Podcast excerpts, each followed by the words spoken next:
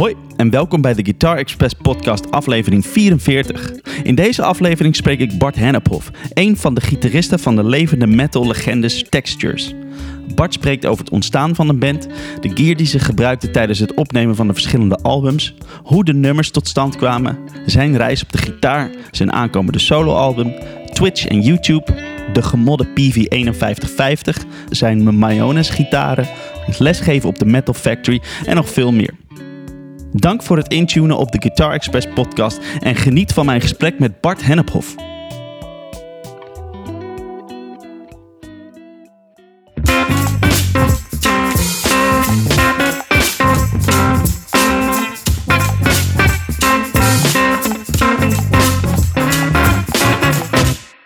Cool, Bart, dankjewel dat ik jou mag spreken voor de podcast. Vind ik leuk. Yes, heel leuk. Uh, ja,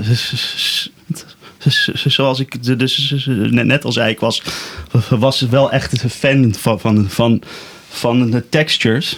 Of je fan weet ik niet, maar ik heb gewoon echt super veel naar geluisterd.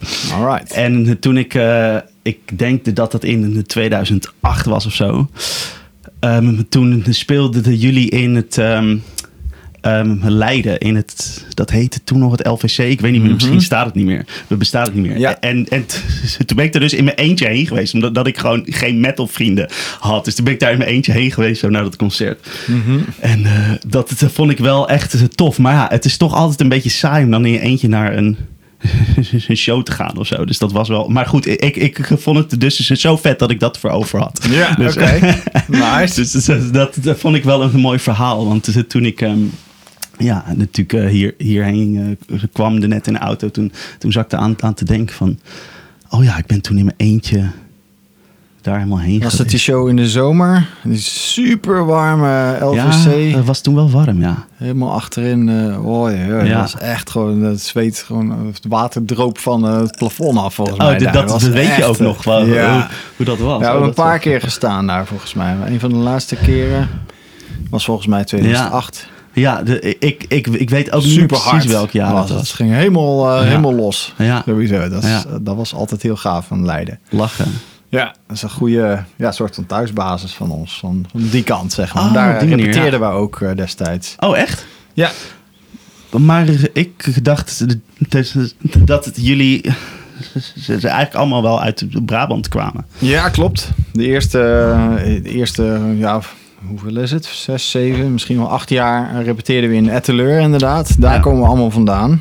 Etteleur, eh, voor degenen die het niet weten, ligt bij Breda. Ja. Een kleine, ja, klein gat in eh, Brabant.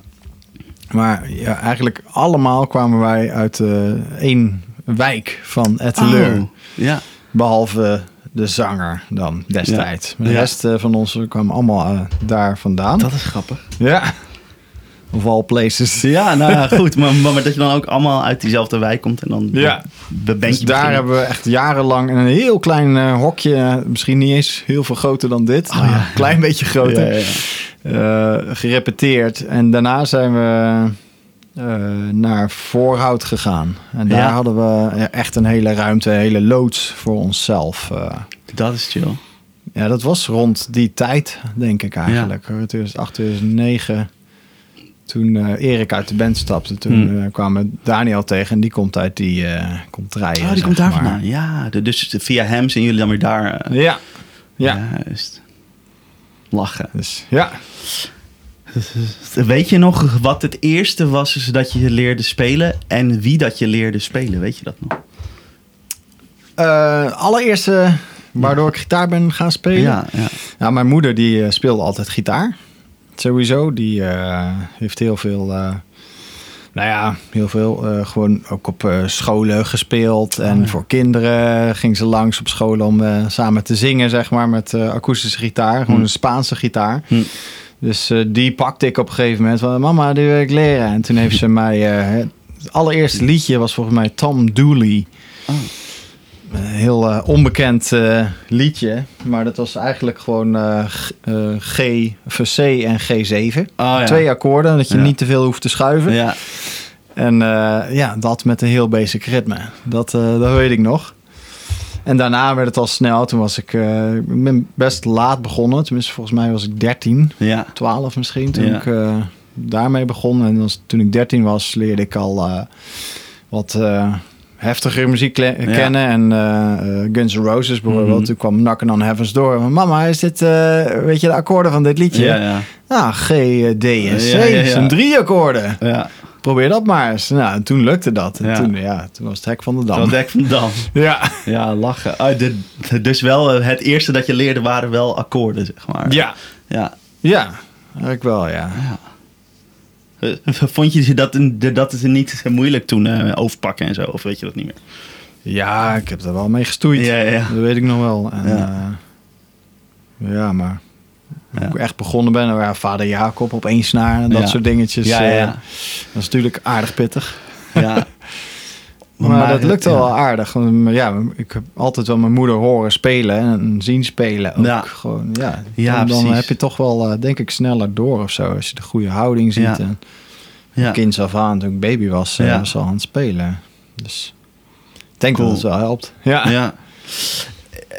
En was je ze toen ook al, al met, met die metal bezig toen je zo een beetje tussen begon na, na de Guns N' Roses, weet je ook? Dus wanneer kwam die metal een beetje, die, Ja. die, die, die hardere muziek? Er was maar? één punt. Tenminste, ja, ik kende een beetje Guns N' Roses eh, toen ik 13 was. En volgens mij toen ik 13, misschien 14 was, toen eh, namen mijn ouders mij mee naar, eh, naar mijn oom. Die woonde vlak naast het festivalterrein van Pinkpop. En mijn broer die ging toen naar Pinkpop toe. En mijn broer is drie jaar ouder. Dus die, die wist al veel meer van muziek dan ik. En eh, toen, wij hadden geen kaartjes voor Pinkpop, maar we konden wel de heuvel oplopen en Ja. langs de hekken lopen. En eh, toen mocht ik op de schouders van mijn pa zitten en over de hekken kijken. En toen zag ik eh, Race Against the Machine. Oh, dat, die show Dat zag jij. kon ik zien vanuit de hoek. Zo, ja, ik kon iedereen zien behalve de drummer volgens mij. Gewoon de voorkant van het podium kon ik net zo over Ja. het hek zien. Dus ja, dat- toen was ik meteen helemaal van... Ja. Wow, dit is vet. Dit wil ik ook. ja, dus toen, eh, dit, toen merkte ik wel van ja, dat is, echt gaaf. Dit knalt Mhm. gewoon en het is met gitaren. Ik, eh, ik wil ook zoiets. Dit klinkt gaver dan eh, Tom Dooley en, Ja. en Guns N' Roses. Het is ook nog wel harder dan Guns N' Roses Ja, of zo. Dus, ja. ja. ik, dat was wel ja, een beetje de... Het is nog niet echt metal misschien, gewoon heel heavy rock. Ja. Race Against the Machine, maar dat is wel de omslag geweest, denk ik.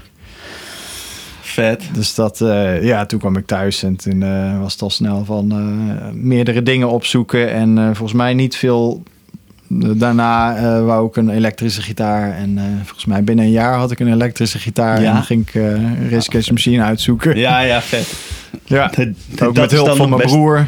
Ja, Ja, ja precies. Het, is- het, en dat is er dan nog best wel te spelen eigenlijk, die Rage Against Machine. ja. Die riffs of zo, die zijn natuurlijk niet zo moeilijk of zo. Dus dat is wel Nee, nee wat dat te doen eh, of zo. Ah, ja, dat is wel lachen. Ja, dus dat heeft me altijd wel eh, getrokken. Ja. Festivalwaardige heavy eh, rock. Ja. Dat is altijd ook wel een beetje in mijn textures de, de insteek geweest. Dus natuurlijk het ook wel, zitten ook wel death metal-achtige dingen Mhm. en eh, echt heel harde, Mhm. chaotische dingen. Maar Mhm. altijd wel, voor mijn gevoel, eh, heb ik dat erin proberen te krijgen. Dat het altijd wel op een groot podium altijd wel tof naar te luisteren moet zijn. Ja, Grofweg. ja. Ja, met de uitstapjes naar die harde stukken natuurlijk. Mhm. Dus dat, eh, ja, dat is begonnen met Race the Machine. Ja, vet. Ja. De- de- en wie, wie zijn nou echt qua gitaar, denk je, je voornaamste invloeden? Ehm, ja, op dit moment of gewoon over het algemeen bedoel je? Ehm, nou, eh, dus welke gitaristen of misschien bands, of ik weet niet hoe dat bij jou werkt, maar, maar, maar, wie hebben je denk je gevormd tot wat nu je stijl is of zo? Of, want er komt natuurlijk heel veel van jezelf bij kijken, maar ook, ook denk heel veel van, ah ja, dit, dat doet, dit, die heeft zo'n sound, ah ja, dat kan ik wel gebruiken, ah ja, die speelt van dat soort licks. Ja. Dus zeg maar die, die combinatie. Ja, ook wel eh, sowieso natuurlijk Race Against Machine Ja. om te beginnen. En daarna, eh, rond die tijd, eh, ontdekte ik ook Metallica. Hm. Ja, dat is heel veel downstroke werk en echt wel het snellere rhythmwerk, Ja, zeg maar. ja. Daar heb ik echt eh, veel van meegespeeld. Ja. Proberen te spelen. Het klonk heel goed eh, destijds, maar ik weet niet of dat ook echt zo was. Maar daar heb ik wel echt heel veel mee meegespeeld. Met Metallica, dat, eh, dat merk ik nog steeds. Als ik nu een gitaar pak, dan, dan het eerste wat ik doe is gewoon... Even checken. Ja. Ja, dat komt eigenlijk gewoon simpelweg van Metallica dingen. Gewoon, eh, ja, specialist kunnen zijn ook in, in, in downstroken, Ja. maar ook in, eh, wat Metallica ook veel doet, eh, palmmuten, maar ook op verschillende manieren. Ja. Gewoon hard palmmuten Ja. of iets minder hard, dat het meer toon heeft. Dat is allemaal wel echt Metallica. Ja. Dus dat heeft een groot deel van mij gevormd. Ehm, daarnaast, ja, een aantal jaar later ontdekte ik samen met Stef uh, Meshuggah Ja. en dat soort dingen. Ja. En dat was wel een hele andere kant natuurlijk van, eh, van gitaar. Dat klinkt bijna als industrial, ook zevensnarige gitaren. Ehm, maar ja, dat is ook heel, eh, ja, heel eh, organisch of zo. Zeker het oudere Meshuggah-werk. Het nieuwere Meshuggah-werk is heel monotoon. Het Ja. oudere werk is ook ja, heel, veel meer melodisch. Mm. En ja, dat, dat heeft me ook wel gevormd, denk ik. Dat is nog wel een stapje erbovenop qua ja, Mm. riffing en... eh, maar ook songwriting. Gewoon apartere songs. Mhm. Niet zomaar een eh, popstructuurtje. Mhm. Wat Metallica op zich ook nog best wel veel doet. Een soort van Pop. pop eh, opbouw. Gewoon Ja, simpel verse, chorus, verse, chorus, bridge. Ja. Met hier en daar wat extra breaks. Ja, Simpelweg. Ja. ja. Om het maar heel snel zo te benoemen. En uh, Meshuggah, ja, die, die wijkt heel erg af qua Ja. gewone songstructuur. Ja. En dat vond ik vooral heel, heel gaaf. En ja, daarnaast Devin Townsend. Oh ja. Misschien niet zozeer als gitarist, maar Mhm. ook wat hij gewoon doet. Hij Mhm. schrijft het wel met zijn gitaar. Ja. Eh, ja, maar ook gewoon hele aparte stukken kunnen maken. Gewoon Ja. een heel stuk alleen maar gebaseerd op gitaarsounds of rare effecten. Ja. Of, mm, ja, dat hebben jullie ook wel, denk ik, met textures of zo. Dat soort elementen of zo.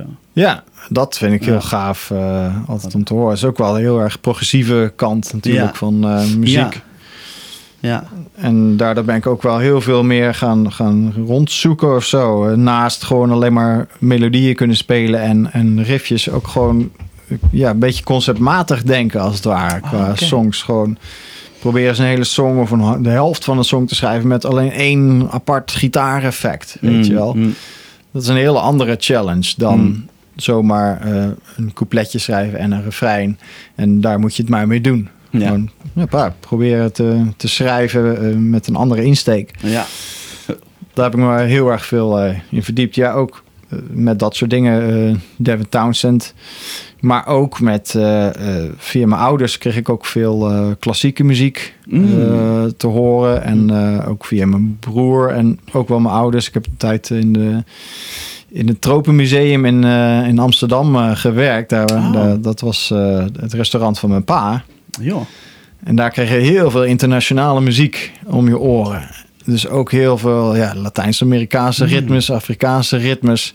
Ik denk dat dat ook een groot deel is geweest van waarom ik nou zo ja, ritme ge- ben, Mhm. zeg maar. Mhm. En ook juist de, de moeilijkere ritmes, zoals in textures, dat komt ook wel een beetje vanuit de Juist. ja, wereldmuziek gewoon. Ja. En ja, aan de ene kant kan je niet echt inbeelden van ja, je hoort helemaal niks van wereldmuziek in Texas.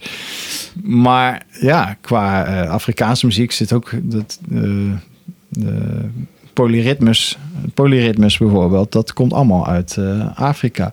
Ja.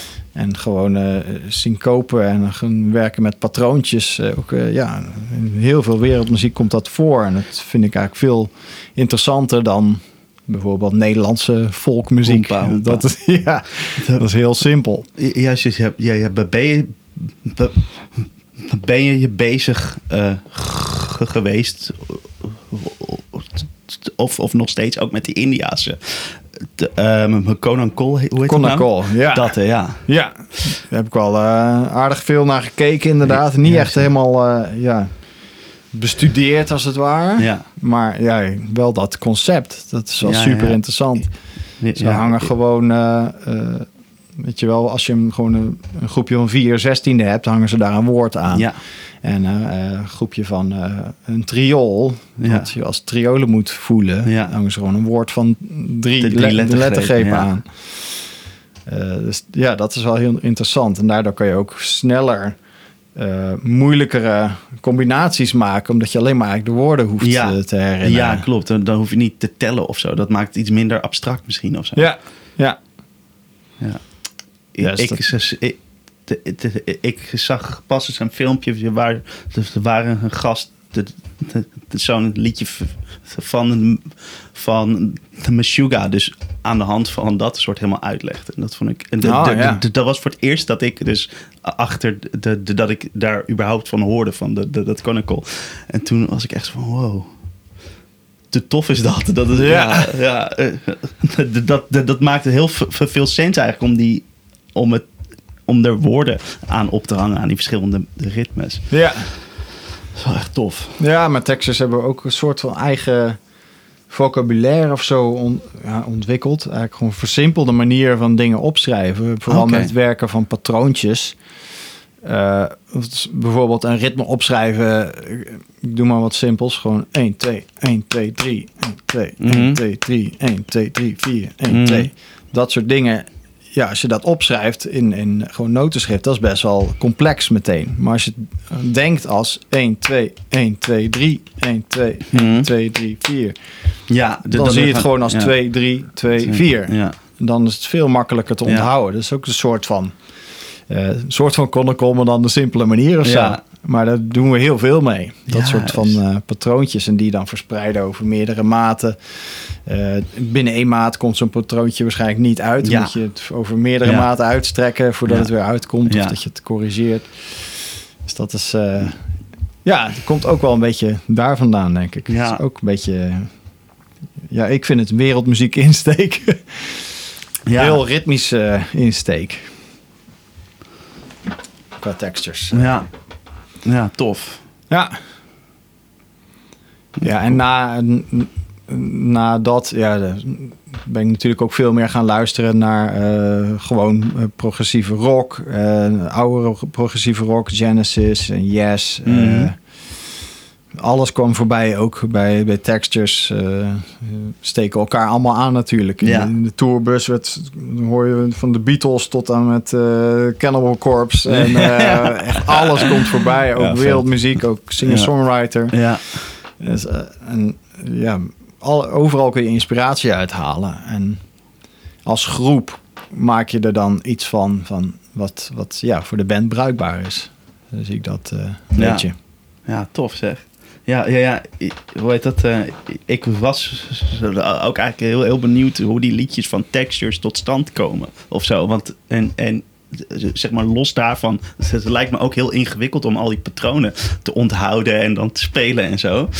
Dus, dus ja, dat je dat nu vertelt, dat je het dan eigenlijk vereenvoudigt, puur in de manier van hoe je er naar kijkt of zo. Toen dacht ik, oh ja, dan is het misschien wel, wel makkelijker te doen of zo. Nou, ja, weet ik ook niet. Maar Ja, nou ja, soms hebben we ook eh, eh, op het eerste album, dan weet ik nog, eh zit één riff in het nummer Polars. ja, Dat is een pa- patroon van, eh, ja, van meerdere maten. Eh, dus van, van eh 1, 4, 3, Mhm. 2, 4, 4, 1, 1, 4. Mhm. Echt gewoon iets van 20 Ja. nummers. ja, En dan pas komt hij uit. Herhaalt. en Oh, dan ja. herhaalt hij Ja, inderdaad.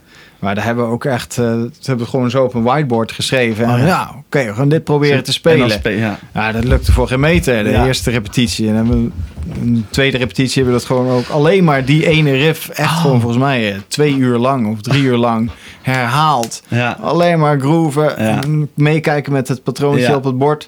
Totdat je het echt eh, met je ogen dicht kan doen. Ja. Dat je hem eigenlijk alleen maar voelt. De- ja, de, Dan de- dan weet je hem op een gegeven moment. Ja, Ja. dan ga je de groove van het, de- Ja. die patroontjes voelen. En Ja. nou denk ik er helemaal niet meer bij na. Nee. Ik, weet, eh, ik kan hem zo opschrijven, maar ik, ik, weet, ik denk helemaal niet aan 1, 2, 1, 2, 3. Nee. Dus nee, dat is, hoe, hoe dat is het meer ook. het doordramt, hoe, ja, hoe meer het een tweede natuur voor je wordt. Hoe moeilijk het patroon ook is. Het is wel te doen uiteindelijk. Ja. Maar het kostte heel veel moeite. Het was heel frustrerend Ja. voor iedereen. Er was altijd wel iemand in, binnen één rondje die dan... Ah, oh nee, Ja. eh, ah, nog een keer. Ja. Oh nee, ik kom niet uit. Ah, shit. eh. Ja. Dus dat eh, ja, was al heel erg een challenge. Maar het is natuurlijk ook wel de uitdaging om dat niet een heel nummer lang te doen. Dan word je helemaal gek. Ja, precies. Dat, dat is dan een, een, een, een stukje, een sectie van. Ja, dat was gewoon een Nummer. coole, Ja. coole groove. Een soort van climax, eh chaotische Ja. stuk, zeg maar. Ja. Nou, de Dannen, de Dannen, daar had ik nou nog een vraag eh, over eh, eh, het liedje Circular. Daar, de, daar zit een, een, groove in die ik niet snapte. Oké. die, die, die, die voelt een beetje dat je zo, zo, struikelt of zo. En ik weet nou even nu niet meer hoe die gaat. Ja, dat snelle eh, stuk. Zoiets, ja. Kun je die uitleggen? of, eh, Ja, dat is. eh, ja, er zijn twee variaties. Twee rare stukjes binnen heel die reeks. Oh mij. ja, Maar. ehm, die eerste. Ja. Daar zit een soort van triooltje die, die niet op de 1 begint. Dat is het meest verwarrende. Oh. En daarna, volgens mij is het een quintol. Dan heb je ook nog...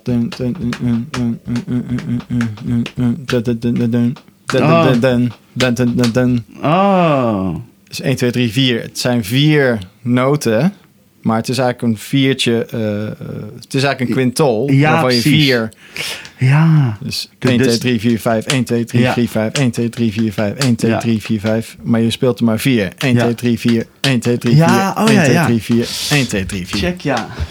Maar, Zoiets zit maar daar. dus, dus die hele de groove, die, dat zijn quintolen eigenlijk, zeg maar, die die... Uh, nee. Oh, dat niet? Heel okay. de groove is gewoon... Dat is alleen maar... Okay. Alleen maar 16 Het is gewoon eigenlijk een soort van uh, skankbeat. Ja. ja, ja, precies. Ja. En daar pak je alleen maar accenten van 16e van. Ja, oh, dat zijn 16. Ja. En dan zitten we of een triooltje of een quintel. Oh, ja. Tussendoor, die er heel stug zo pam, pam, pam, pam ja. ja. overheen gaat. Ja. Terwijl de drums wel die 16e of de Ja. 8e eigenlijk Ja, inderdaad, spelen.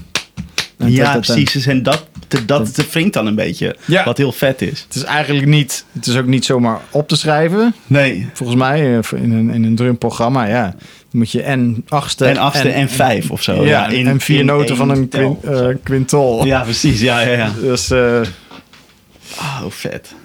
Ja, dat soort dingen proberen we altijd wel hier en daar erin te gooien. Eigenlijk de dingen die onmogelijk zijn, maar Ja. wel gewoon een doordrammen en Ja. proberen te doen. Ja, vet.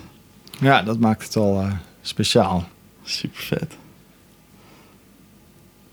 Ja, cool. Ja, is een hele dwarse manier van eh, progressief zijn of zo. Ook niet te netjes. Gewoon, eh, ja, Nee. echt, exp- echt experimenteel. Ja. Ja, vet. Eh, En, eh, Oh, je dus- vroeg nog net of eh, eh, hoe de nummers tot stand eh, ja, komen precies. überhaupt. Ja, ja, ja want ik- ik was be- benieuwd ehm, van is er dan ook zo een, een concept waar je dan mee aan de slag gaat? Van oh ja ik, ik wil hier iets mee doen met deze telling of deze accenten.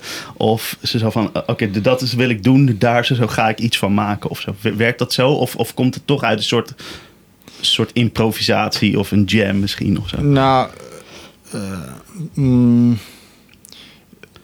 waar we altijd wel op letten sowieso, voordat we eh, met een album beginnen. We willen altijd, elk nummer moet wel echt zijn eigen gezicht hebben. ja Dat vind ik überhaupt altijd gaaf. eh, als je gewoon een album luistert van iemand, van de Beatles bijvoorbeeld. Ja. Echt elk nummer is helemaal anders, maar toch heel erg Beatles.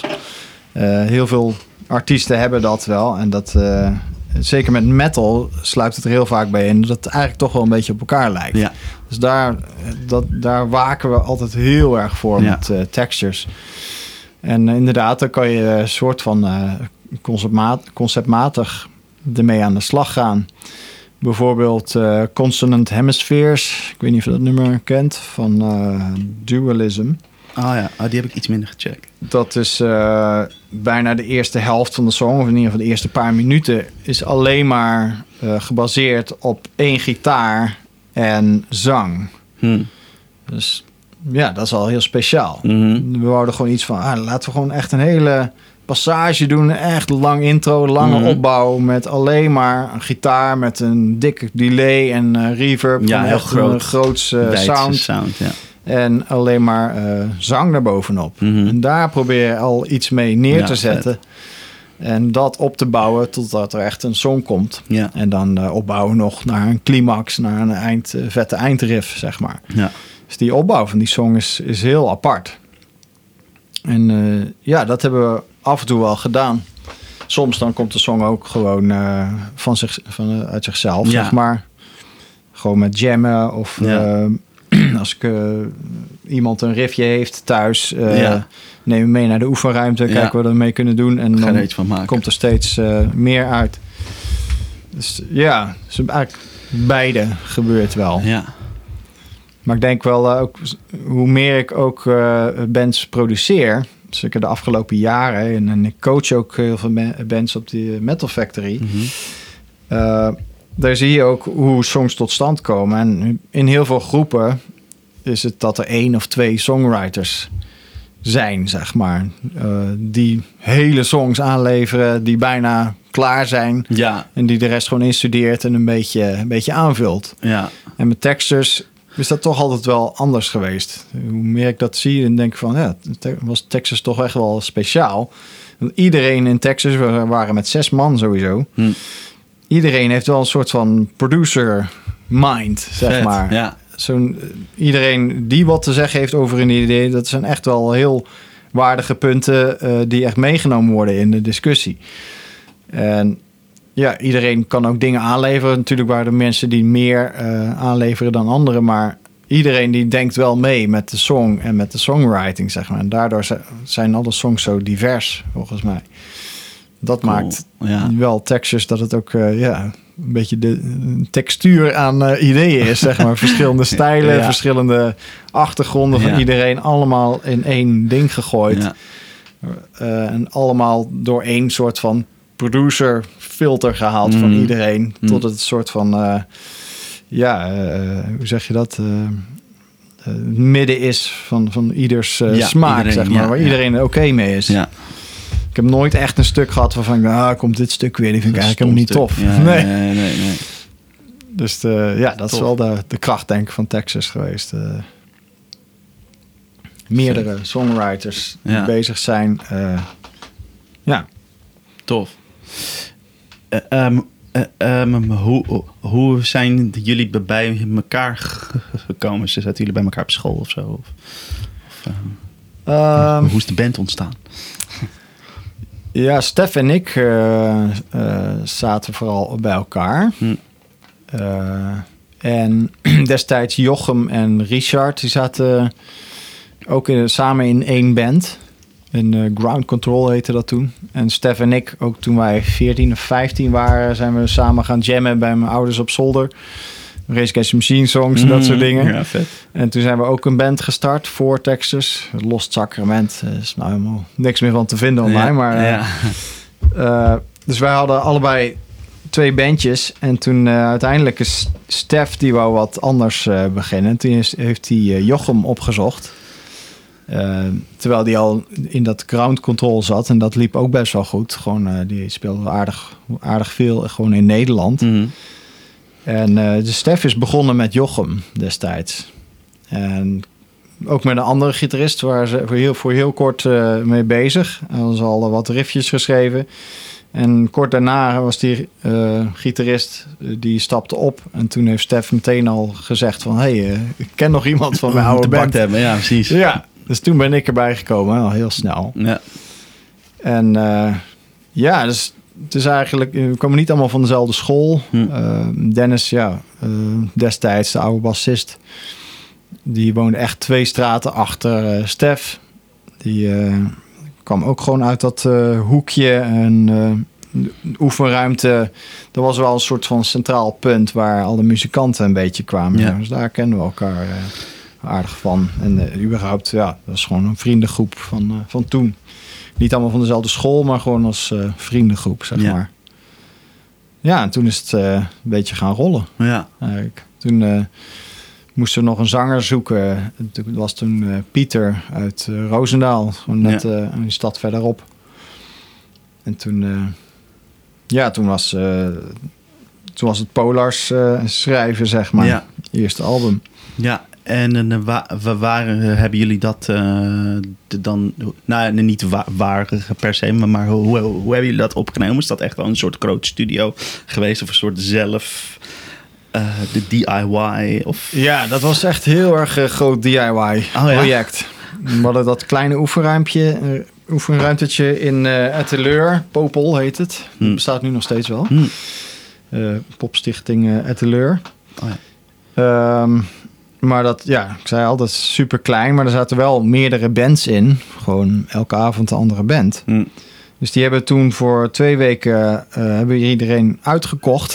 Van je kunt niet repeteren voor twee weken, want eh, wij willen opnemen. Ze zijn daar gaan opnemen. Eh, het was ook Jochems eerste echte full-length productie destijds. Hij studeerde aan de HKU destijds, waar ik later ook ben, heen gegaan ben. Maar hij produceerde het dus. Dus hebben we alle opnameapparatuur naar, eh, naar Popel Hmm. gesjouwd. En Dennis, eh, die heeft echt isolatie ingebouwd. Nog extra muren en extra ja, schuim en eh basstraps en zo. Om het een beetje nog beter te maken Ja. qua akoestiek. Dus daar hebben we alle drums opgenomen. En, en de riffgitaren ook. Oh ja. Zodat we de amps goed hard konden zetten. Ja. Dat was wel eh, nodig. Hm. Dus vooral dat hebben we daar opgenomen. Dat was dus twee weken lang eh, ja, bikkelen voor Stef vooral. En eh, ja, de riffpartijen hebben we daar opgenomen. Maar de, alle effecten gitaren en clean gitaren en tokkeltjes en zo... hebben we later bij Jochem thuis Hmm. in Wageningen gedaan. Die studeerde toen in Wageningen. Dus die hebben we los van elkaar opgenomen. Eh, ja, dat eh, doen we, deden we nog steeds. of Eigenlijk bij elk album. Hmm. De eerst een hele riff-sessie. Zodat Mhm. je gewoon een één setup hebt met zo'n een, eh, vette amp en een high gain Dezelfde sound instelling. gewoon, ja. ja. Alle riffs van alle songs aanpakken. En met gaten waar de low gain dingen zijn. Of de clean gitaren, zeg maar. Dus eh, ja, dat was heel de, de Popel oefenruimte sessie. Dat was twee weken lang eh, ook eh, af en toe gebivakkeerd daar. Gewoon echt geslapen, omdat Ja, we ja, tot laat doorgingen. Vet, dat is zo vet. Ja, het was ook rond een oud en nieuw. Dus het was echt wel een vette sfeer ook Ja, daar zo. Ja. En toen dus ja, de rest bij Jochem thuis in Wageningen opgenomen. Toetsen en bas Mhm. en uh, cleanen en eh, low gain gitaren. Mhm. Alles bij hem. En daar had hij ook een scala aan eh, gitaareffecten en wel goede amps die je eh, thuis wel met soort eh, met DI gewoon zo op kan nemen. Hm. En bas en synths inderdaad. En zang ook. Ja. Ook daar, ja, het was een soort van studentenkot. Heel klein, maar ook ja, wat extra schuim opgehangen om Ja. te isoleren. En daar gewoon, En gaan. ja, ook wel lang met die zanger, met Pieter toen eh, eh, daar opgenomen. Gewoon voluit lopen schreeuwen. dat hoorde wel. Heel die, heel die barakken daar bij Wageningen, dat is helemaal niet geïsoleerd. Nee. Dus waarschijnlijk hebben, heeft heel die, eh, heel die buurt dat wel eh, gehoord. maar ja, geen, geen klachten gehad. Dus, eh, Ja, mooi. ja. Alleen van Pieter zelf. Dat ja, die, eh, precies. Ja, die, die, die, die had op een gegeven moment last van zijn keel. Ja, ja. dus ja, dat was eh, zeker eh, Polars eh, avontuur. Ja, lachen. En ehm,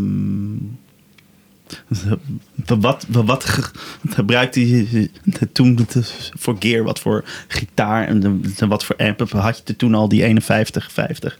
Of, nee, ehm, we hadden toen Mesa Boogie Triaxis van Oh. Jochem. Ja. Waar we mee eh, opnamen als main eh, gitaar eh, riff sound. ja. Met zijn Ibanez Universe. Oh ja, zo'n uh, zo'n Vai model met, zeven snaar. Ja. Ja. Met Di Marzio's. eh, Ja, ze, daar, de, daar, de, daar, de, de, de, daar hebben jullie dus beide opgespeeld. Ja, ja. ik had toen nog niet eens een zevensnarige gitaar. Oh, dat, Zeker in het begin van Texas, de eerste paar maanden, ja, had ik dat niet. Dus we hebben echt met die van Jochem opgenomen. Ja.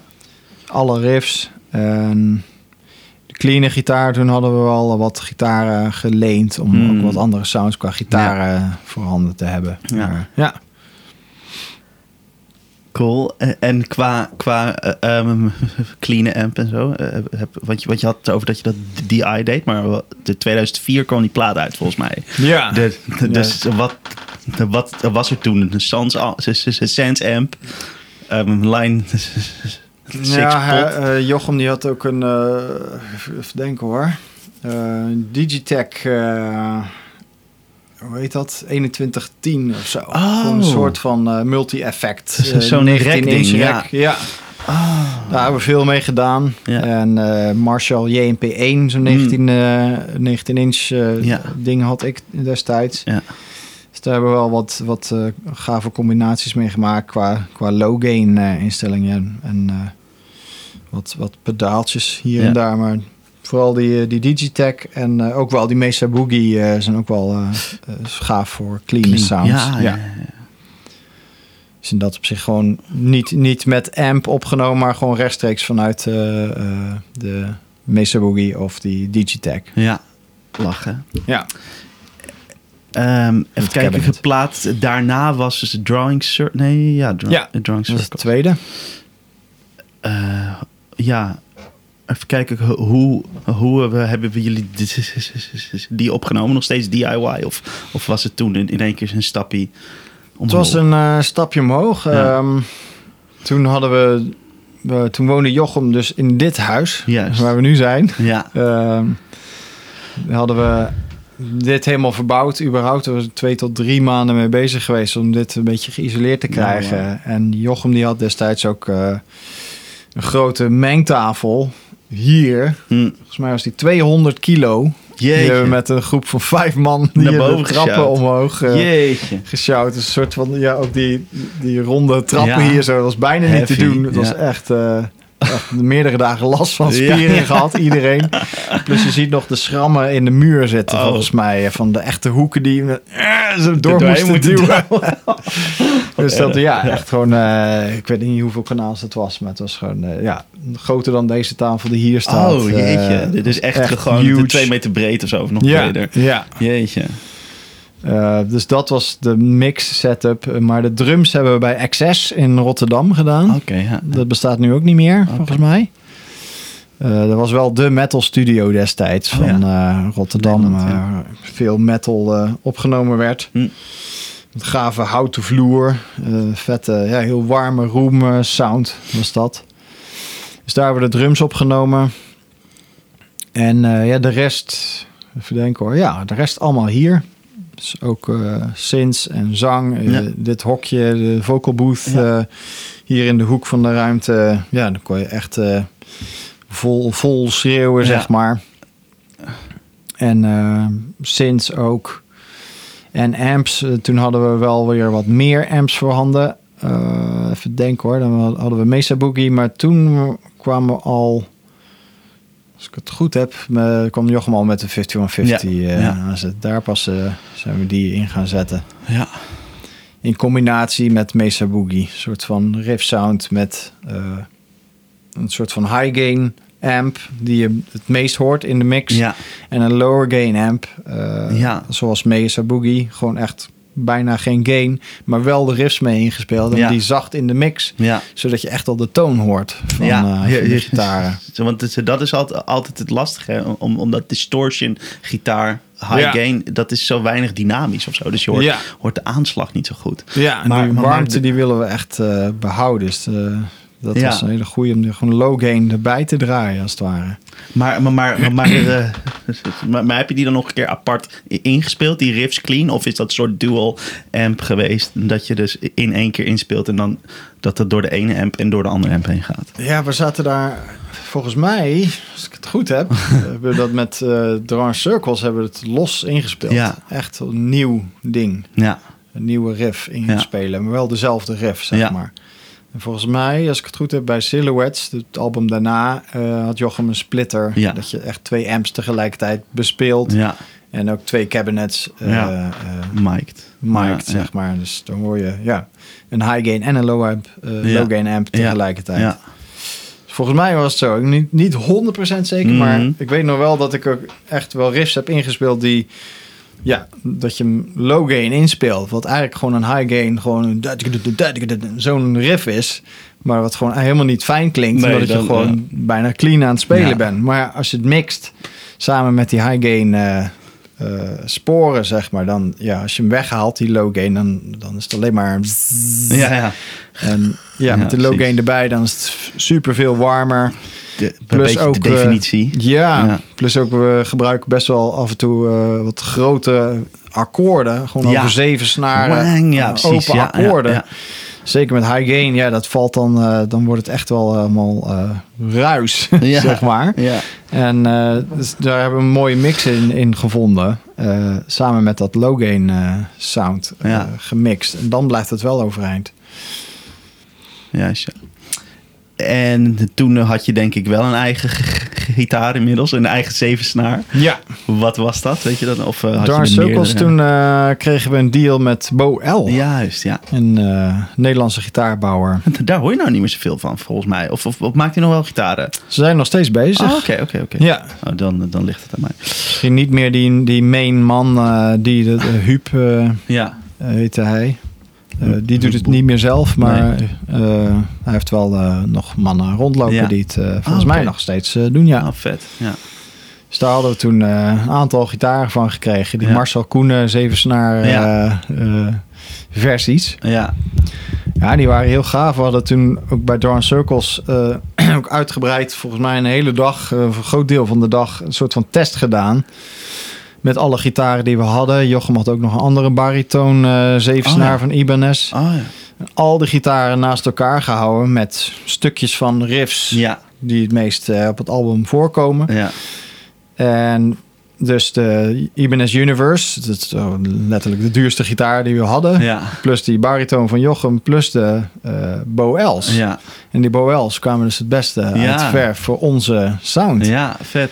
was wel heel gaaf om eh, te zien. Ze hebben een hele lage output, die Els. Ja, Maar dat zorgt er wel voor dat ook die, die open akkoorden wel heel transparant ja, blijven, zeg maar. Er zit nog steeds wel agressie in die Ja. eh, gitaren, maar eh, ja, je hebt heel veel headroom, zeg maar. Ja. Dus dat is heel, heel gunstig voor onze nice. Ja, sound. Want eh, heel veel metal eh, wordt met actieve pick-ups, eh, die EMG's en zo gespeeld.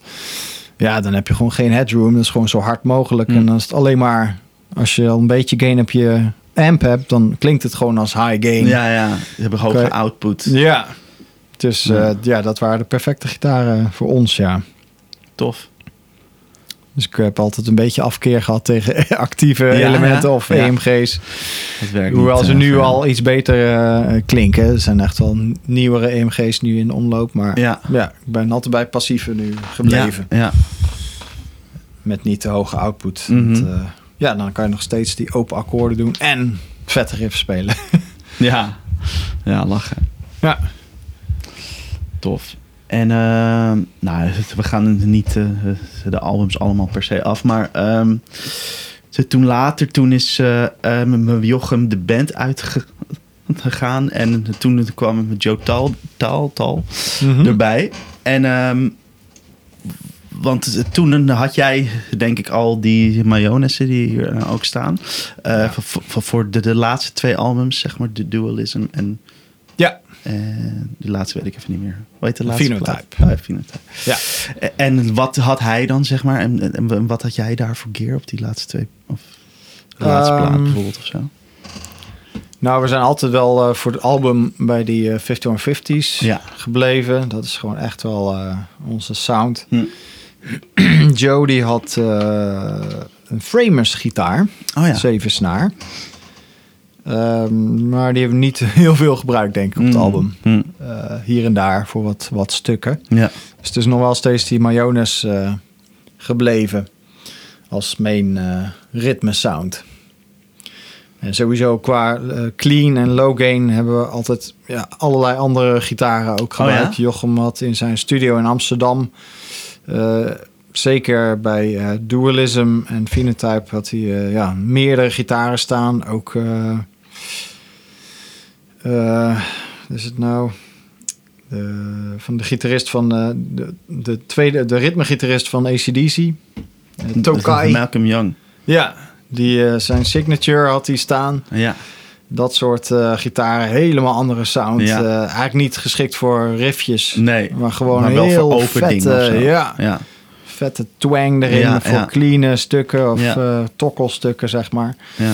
En ik heb eh, vanaf Silhouettes eigenlijk voor elk album wel de Telecaster van mijn broer gebruikt. Ah, ja, voor de clean. voor de clean stukken en de ja. tokkelstukjes. Ja. En dat super, super warm geluid. Eh, ja, dat is niet te vergelijken met, met de mayonaise. Dan krijg je dat eigenlijk niet voor elkaar. Dus Nee.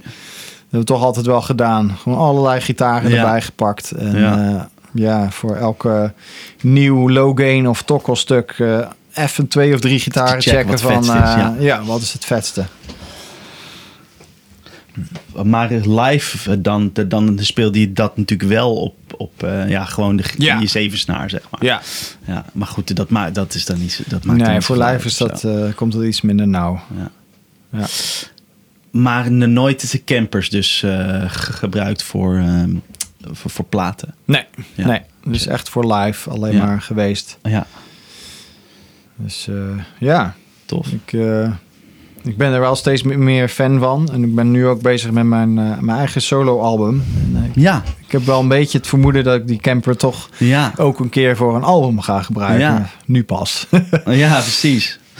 Wat, wordt, wat is dat voor muziek, je eigen je solo? Wat, lijkt dat een beetje op textures of juist helemaal niet? Of, ja ehm, een beetje wel. hm, Maar het echt metal, metal eh, laat ik wel een beetje achterwege, moet ik Hm. zeggen. Ja. Eh, er komen wel heavy stukken in voor. Het is Ja. gewoon eh, zeer heavy rock. Eh, zoals ja, een beetje Messengers van Textures. mhm, ja, Wat eigenlijk, er komt geen schreeuw in voor. Nee. Het is wel een hele heavy song, maar het is ook niet zozeer heel erg metal. nee. Nee, klopt. Het is Maar- toch meer, ja, nou, het, is- soort het is van, anders. eh, het is niet metal. Ja. ja. een soort van eh, bijna Alter Bridge eh, of Alice in Ja. Chains-achtig. Ja, ja, ja. Soundgarden-achtig. Dat soort kanten zou ik meer op willen, zeg maar. Dus ik heb, ja, ik heb wel aar- aardig veel ideeën liggen. ja. Nou ja, een soort van uur aan muziek, Ja, joh. maar aan, aan korte stukken, zeg maar. Ja, Die allemaal ja, een beetje in die hoek zitten. Ja. Sommige ook nog wel best wel metal, maar hoe meer ik daar naar luister, denk ik van ja, hmm, dat is toch niet wat je... nee, ik wil eh, toch een beetje meer de, ja, de, de bredere kant op of zo. Ja, En eh, want het, het- heb je het gevoel van, nou ja, die, die, die metal en zo, dat heb ik wel een beetje gehad. Of, of dat ei ja, heb ik en ook gelegd. om een beetje te voorkomen van voor mezelf van die textures, dat is gewoon afgesloten Ja, hoofdstuk. ja. En eh, ik wil niet dat het nou klinkt van dat het ja eigenlijk als textures is, maar het is geen textures. Ja, precies. Ja, de- dan, dat dan hoeft krijg- niet van mezelf. Ja. Ja, Ja, nee, dat snap ik. Dat als ik iets, eh, als ik nog extreme ideeën heb liggen met ook echt eh, super heavy dingen en death metal-achtige dingetjes, dan wil ik er gewoon een los project van maken Mm. misschien. Maar ja, anders wordt het een beetje een textures, eh, net niet textures, ja, zeg maar. ja, eh, precies. Dat ligt dan op de loer. En ik heb genoeg ideeën liggen, ja, wat ook eh,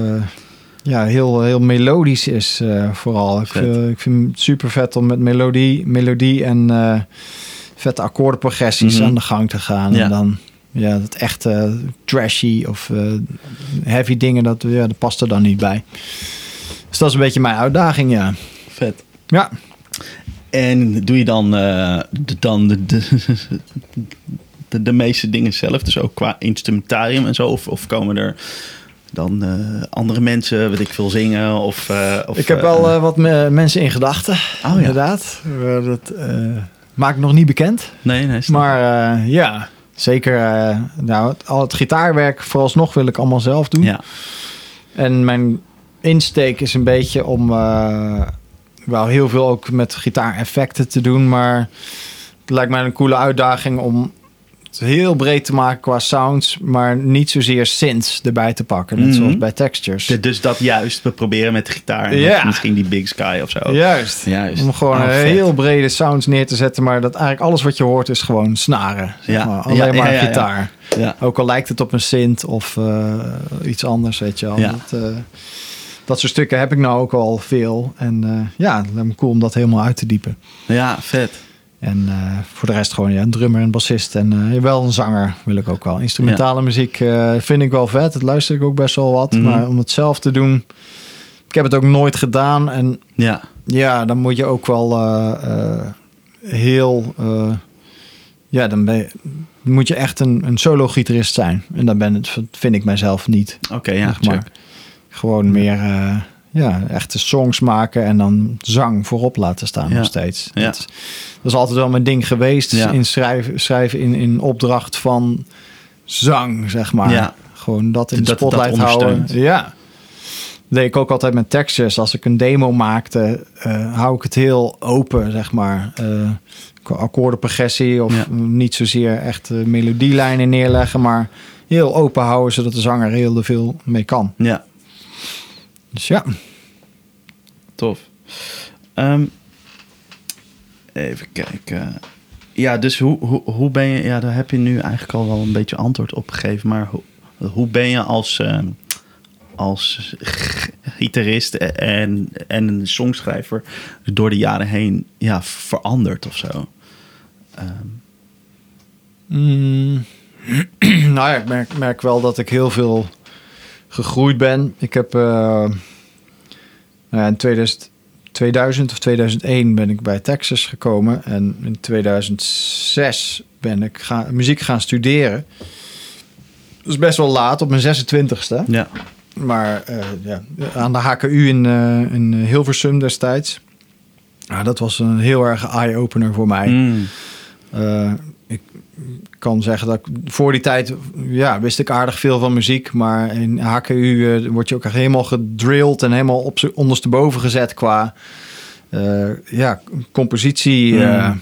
dingen, zeg maar. Tof. Je leert heel veel over compositie en eh, weet ik wel, je moet eh, de, eh, een eh, James Brown eh, blazers analyseren en kunnen opschrijven, Ja. maar ook een James Brown nummer in eh, een jasje van, eh, weet ik veel, eh Ramstein kunnen zetten. Ja, dat ja, soort ja. dingen. Of pakken ze een song van Stevie Wonder en maakt er een singer-songwriter versie van. Zeg maar. Helemaal alles kunnen omdraaien, analyseren, uit elkaar halen en een ander jasje kunnen zetten. Dat heeft me heel erg ge, ge- ge- ja, geshaped, denk ik. Dat vooral. En ja, in Texas, daar heb ik ook het meeste denk ik geleerd. Ja, ik Eh, van Jochem en Stef. Ja, en eigenlijk iedereen eh, wel. Omdat we elkaar constant ook uitdaagden gewoon. Ja, tof Eh, is als dat. songwriters, maar ook eh, constant nieuwe muziek naar elkaar sturen. Eh, gewoon als vriendengroep, zeg maar. Ja. Dat, eh, ja, dat inspireert eh, iedereen, zeg maar. Inspireer je elkaar zoveel. Hm.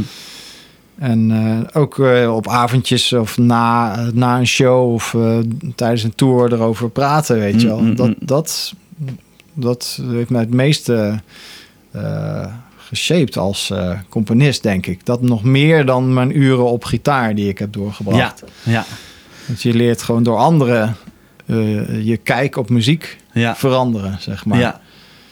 Het, dat is dus lachen. De, dat, dat er heel veel gebeurt als je, als je dingen leert. Gebeurt er heel veel op je instrument, maar ook heel veel in je hoofd. Puur door hoe je ja. ergens naar kijkt. Of eh, eh, dat iemand een keer wat zegt en dat je denkt... Oh shit, zou ik er zelf nog nooit over nagedacht. En dat er dan in één keer zo boef, zo helemaal... Ja. Dat je een soort nieuwe eh, ja, inzicht krijgt daardoor. Ja, zeker. En, ja, en je luistert naarmate je ouder wordt, of naar, naarmate je meer ervaring hebt, ook als, als componist, denk Ja. ik, maar ook gewoon als, eh, als muziekliefhebber.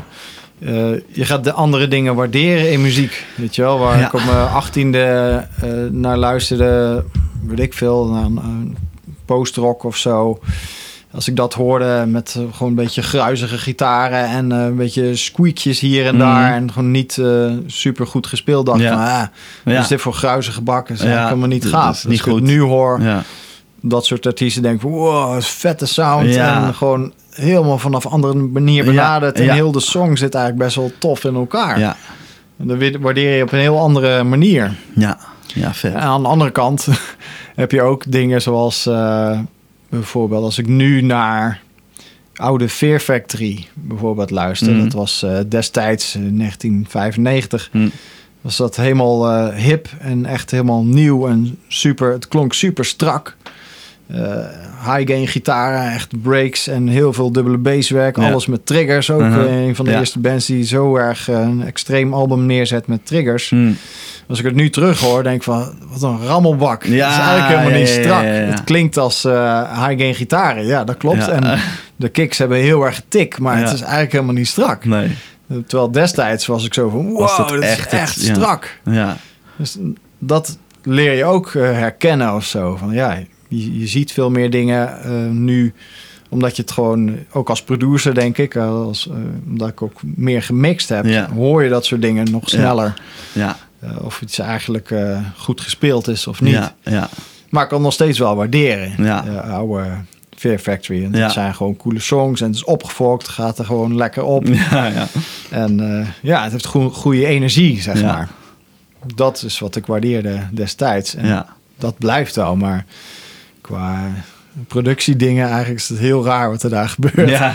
En zo, nou ja, bij andere dingen ook nog wel. eh ja, of, eh, Metallica niet zozeer. Maar ja, de oude Metallica vond ik destijds ook super gaaf. Ja. Gewoon Kill 'Em All en zo. Maar Ja. eigenlijk klinkt dat heel slecht.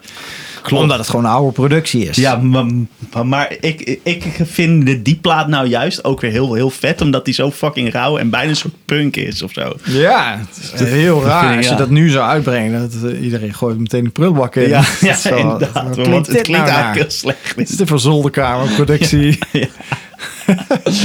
Ja, dat Maar is ja, het heeft wel die energie en eh, Ja. ja. vooruitstrevende ideeën, zeg maar. Gewoon qua Maar, ja, ook, ook wat je zegt, zo van de, dat album uit 1995, de, de, de, de- natuurlijk in de afgelopen v- 25 jaar, dan ehm, is er natuurlijk al zo, zoveel veranderd op dat niveau. Dat, dat toen werd waarschijnlijk, ja, werd nog op tape opgenomen, maar Ja. nu is het dan gewoon. Eh, weet je, Pro Tools of, of whatever Ja. wat je gebruikt, maar gewoon op de, de computer. En, en het, alles kan natuurlijk nog te, te tien keer zo strak Ja. da- dan toen of zo. Dus het is ook een soort van wat er mogelijk is. Dat is ook best wel bepalend voor hoe je het ervaart of zo, weet je wel? Ja, en plus alle muziek die je nu hoort, ook op de radio, gewoon commerciële muziek, is allemaal, ja, basically allemaal rechtgetrokken en Ja, strak gezet. ja. Dus die, zelfs de niet-muzikanten worden helemaal getraind in perfecte muziek Ja, eigenlijk. ja. Helemaal strak en heel mooi op toon. Alle zangers zijn perfect. Ja, Ja, dat is wel eh, tricky. Om dan nog iets rauws eh, uit te brengen, zeg maar. Dat, Ja. dat moet je dan eh, heel goed neerzetten. Wil dat overkomen voor een standaard, eh, ook de, de niet-muzikanten, zeg maar. Iedereen is gewoon zo gewend aan eh, perfecte muziek eh, te horen. ja dat is crazy echt eigenlijk. Ja. Eigenlijk slecht. eh, Ja, in een way is dat iets. wel jammer, ja. ja. Maar Eh, eigenlijk- Dan, dan wordt, wordt het, eh, eh, de, de, de- de dingen die dan niet zo, zo, zo strak zijn, wordt bijna een soort niche of zo. ja, Een niche, een niche ding. gelukkig ja, zijn er nog wel echt liefhebbers die dat gewoon waarderen. Maar Ja. ja, het, eh, het schiet er snel bijeen, denk ik, bij heel veel jongeren ook vooral. Die, eh, die dat gewoon niet zozeer zien. Van, ah, het klinkt een beetje rommelig, ik ga er niet naar luisteren. Terwijl als je even doorluistert, dan hoor je waarschijnlijk super gave dingen. Of toffe songs, toffe ideeën Ja. of eh, sounds. Maar ja, Merk je de, de- dat ook bij de, de mensen die er dan les geven, ja, of hier thuis of op de, op de Metal Factory, dat mensen er niet naar, naar, naar kunnen luisteren door zo'n soort reden of zo? Ja. Ja, merk ik wel, ja. Hmm. Zeker. eh, ook mijn leerlingen Jonge hier, ja. Mensen, ja. Eh, bijvoorbeeld, eh, ik, ik luister ook nog wel naar die, die wereldmuziek. Ja. Daar heb je ook af en toe zangers of Afrikaans of Arabische zangers Ja. die pakken van die tonen, die zitten eigenlijk tussen onze tonen in. Ja. Wat eigenlijk voor ons gehoor niet heel fijn is. Ja, en sommige dat- mensen kunnen er echt niet naar luisteren. Ja, ja. En ja, ik vind dat wel, vind wel een dingetje. Want eh, het is nog steeds super mooie muziek. Ja. En dat is natuurlijk wel, eh, ja, misschien wat extremer, maar ook gewoon, eh, ja, wat. eh, even kijken hoor.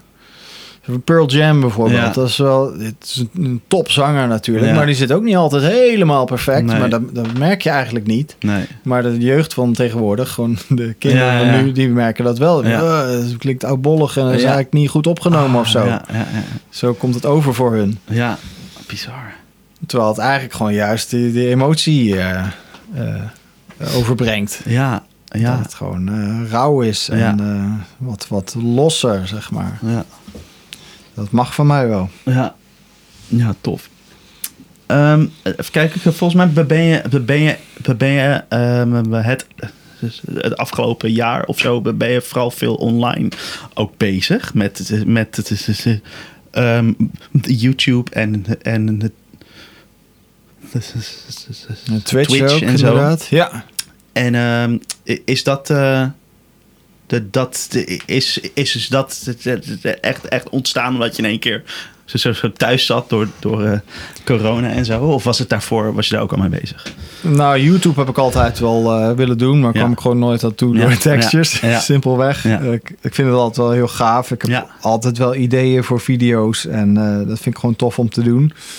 En dat is ook iets voor lange termijn, zeg maar. Dat is gewoon cool om op te bouwen en ja, ook een soort van database aan eh, eh, te maken, gewoon van coole dingetjes Ja. die, je, die je kan leren, zeg maar. Ja.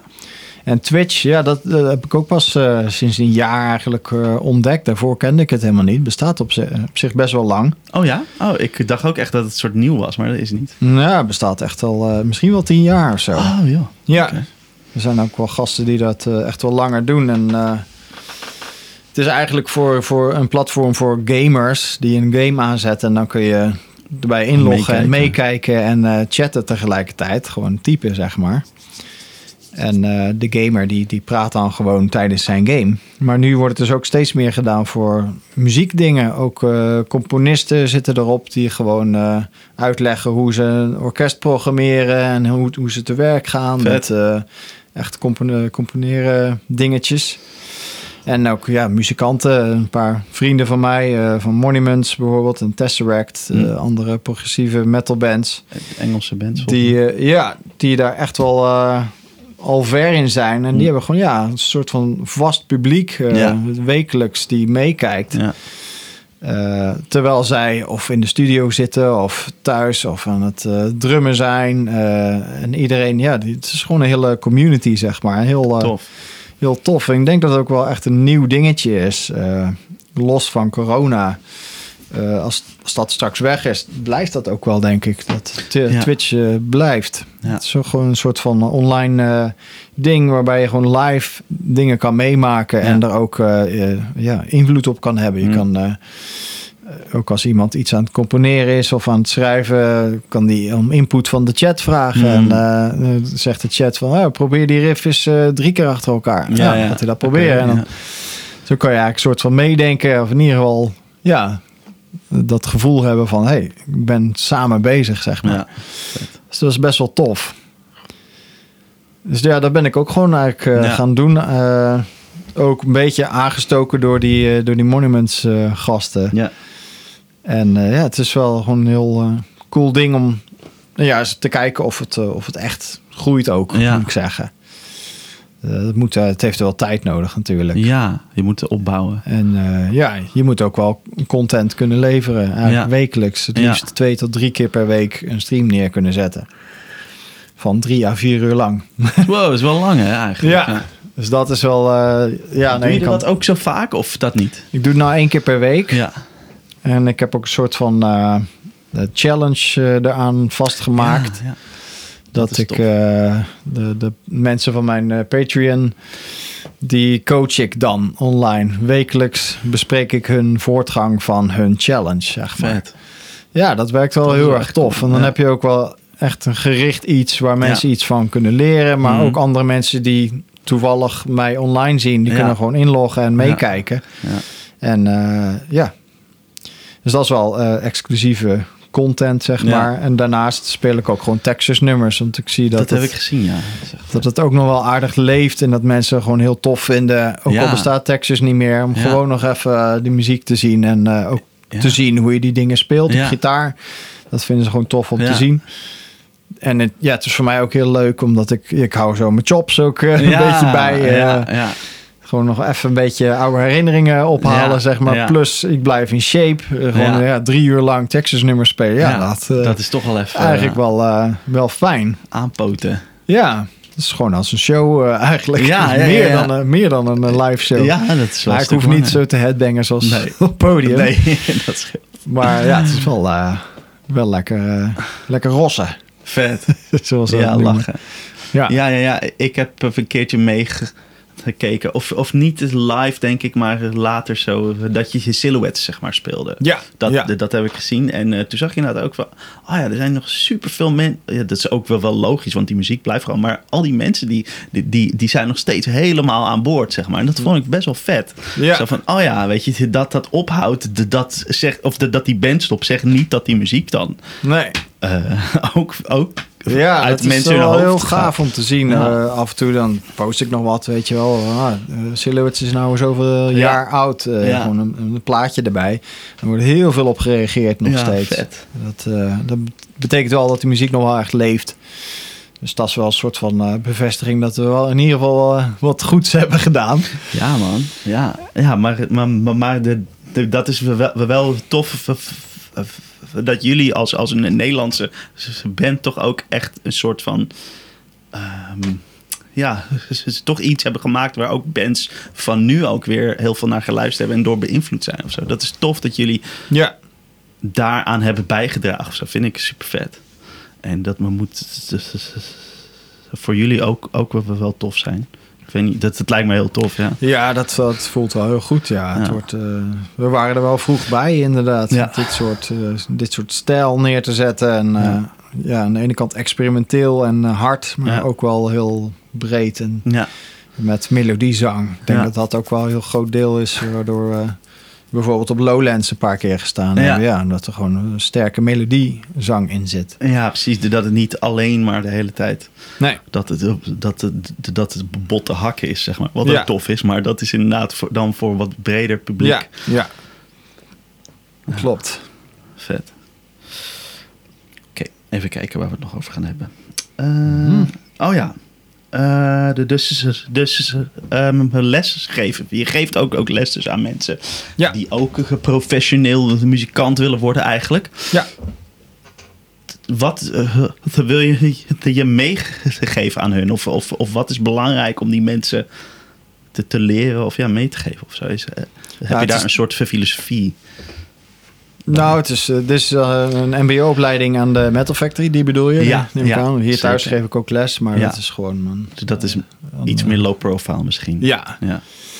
Eh, maar de Metal Factory, dat is ja, gewoon een, voltallige mbo-opleiding. Ja. In drie jaar lang worden ze gewoon klaargestoomd om zelfstandig muzikant te kunnen zijn, zeg maar. Dus je leert van alles.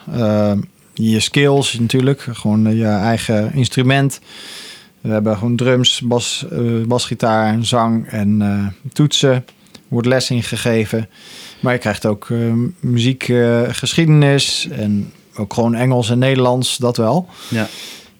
Maar ja, heel veel ja, muziektheorie ook, maar ook de businesskant. Dat Ja. je ook al leert van, ja, als je echt hiermee verder wil, dan moet je bijvoorbeeld ZZP'er worden. Ja. Gewoon een eigen bedrijfje starten, zodat je met meerdere dingen bezig kan zijn. Zeker als je muzikant wil worden, moet je meerdere bronnen hebben om inkomen te hebben. Ja. Dus daar word je al helemaal in ieder geval eh, bekend mee gemaakt. Ja.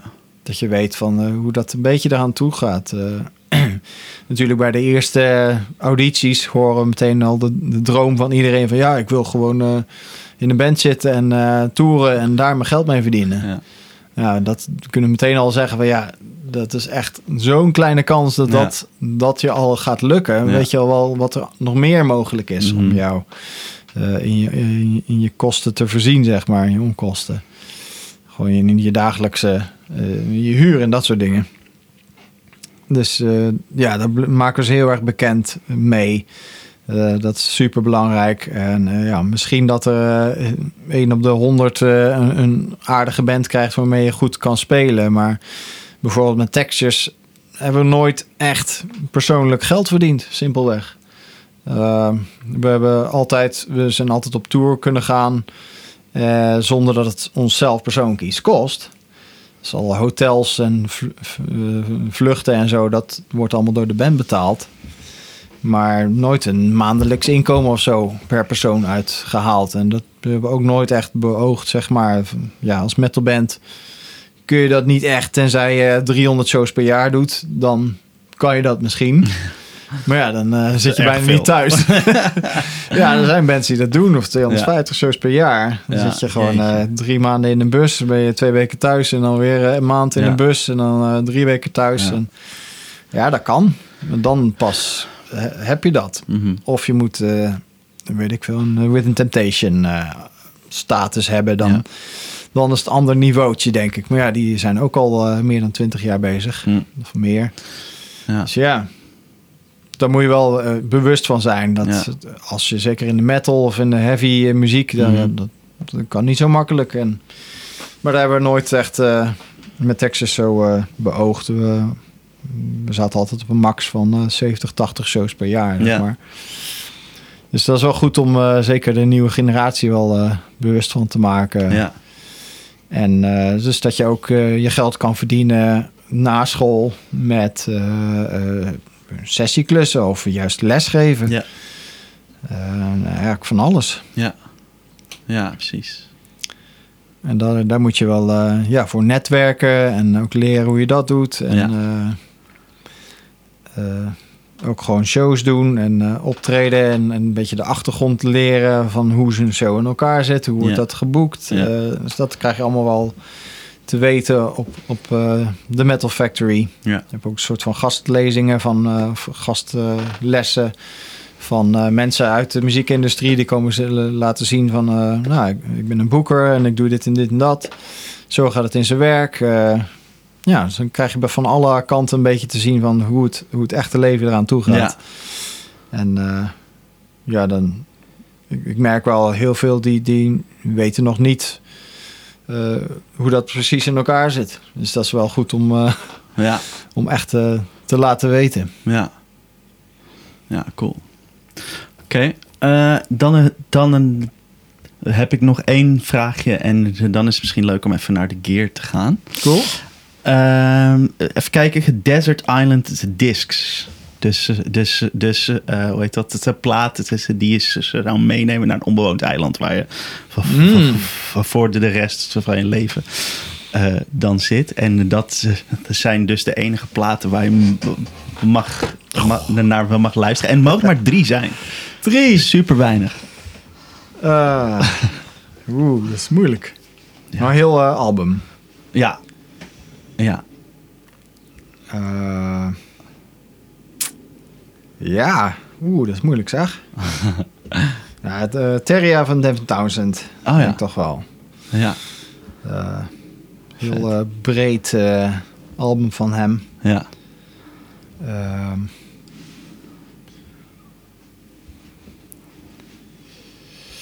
ja, mm, U2, Joshua Tree. Oh. Ja, Oké. ik ben heel erg opgegroeid Vet. met U2, eh oude U2. Ja. Mijn ouders. Ja, die Volledig. luisterde veel naar. Dat was Ja. veel thuis. Ja. Daar kan, je altijd, kan ik altijd wel gewoon naar luisteren. En dat, eh, ja, die zeker. Om maar even iets niet-metals in het lijstje Ja, te ja, hebben. ja, ja, ja. De, na- en de laatste, wordt dat een metal iets of niet? Ja. Eh, of iets ertussenin. Soundgarden Super Unknown. Oh ja. Oh, nice. Ja, die, Vet. eh, oh, dat is wel een, een goede combinatie. ja, dat is wel een beetje, eh, ja, waar ik, eh, misschien ook wel waar ik eh, mee opgegroeid ben. Wat mij Ja. heeft eh, gemaakt als eh, muzikant. Die albums. dat is dus lachen. De, dat, de, dat, die, die, muziek waar je dan naar luisterde in die, die jaren, zeg maar, je, je formatieve jaren, dat dat toch altijd het dichtst bij je zit of zo. Of dat heb ik in ieder geval. Ja, dat heb ik ook wel, ja. En, en er- zijn natuurlijk ook dingen die je later pas leert kennen die ook heel erg... Ja, er zijn voor mij zo. albums die ik af en toe terugluister en denk van, ah, dat was die periode, dat vond ik toen tof, Ja. dat was cool. Ja, Maar er zijn ook albums waarvan je denkt van, dan zet je ze op en dan denk je van, ja, dat is nog steeds super vet. Ja. Dat is eigenlijk nog steeds heel gaaf. Ja. Die ga ik vaker luisteren. ja, Die, Ja. eh, dat zijn dit soort albums Ja. van, ja, eigenlijk nog steeds helemaal tof. Het is gewoon eigenlijk tijdloos. ja. heb ik ook wel een beetje met uh, Meshuggah, Destroy, Erase, Improve. Ja. Een melodische eh, era, zeg maar. Oude. Ja. Maar ja, die drie, drie albums, ja, vet. dat zou het dan zijn. Tof, leuk. Oké, eh, welke wil je eerst? eh nou, ik heb deze Oh ja, deze al ingeplucht. nog eh ingeplucht staan. Dit is een six string.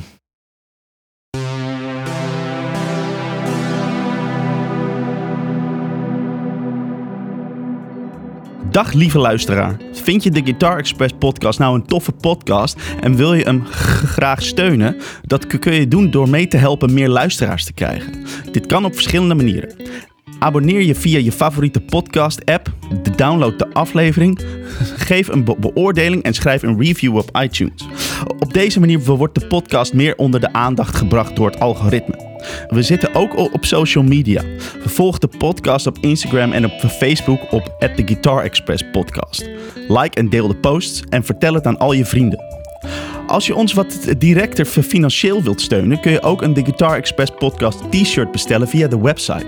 Ze zijn gemaakt van een duurzaam katoen en bedrukt hier in Utrecht. Ze zijn er in de kleuren gebroken wit en lichtgroen. Het organische katoen draagt licht op de huid en de shirts zitten heel lekker. Check de site www.theguitarexpress.com slash podcastshirt voor meer foto's en meer informatie.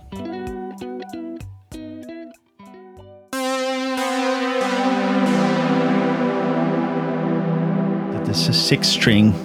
Zesnarige mayones Ja, nice. met eh mahogany hout. Dus dit is ook dat zware hout zoals die andere die ik hier heb. Ja, Dus eh mayones Regius. Regius. ja. Ehm, hier zitten eh, bare knuckle aftermath pickups in. Oh ja, ja, dat is die nieuwe. Mansour element, of niet? Of, of, of is dat niet? Nee, niet zozeer. Oh, oh, die heeft ook dat veel hij- eh, met bare knuckle eh, gedaan, inderdaad. Maar eh, ja, dit is gewoon een van hun versies. Best Juist. wel high gain Ja. sound Ja. zit erin. En ik heb hier een sustainer ook ingemaakt. Ja. Of in laten zetten. Hm. En die, dat is een soort van e-bow, zeg maar. Die, die laat gewoon de toon resoneren. Zo, ja, Ja. oneindig. Ja. Maar ja, ik kan hem even... Deze even aanzetten. Opnemen. Ja.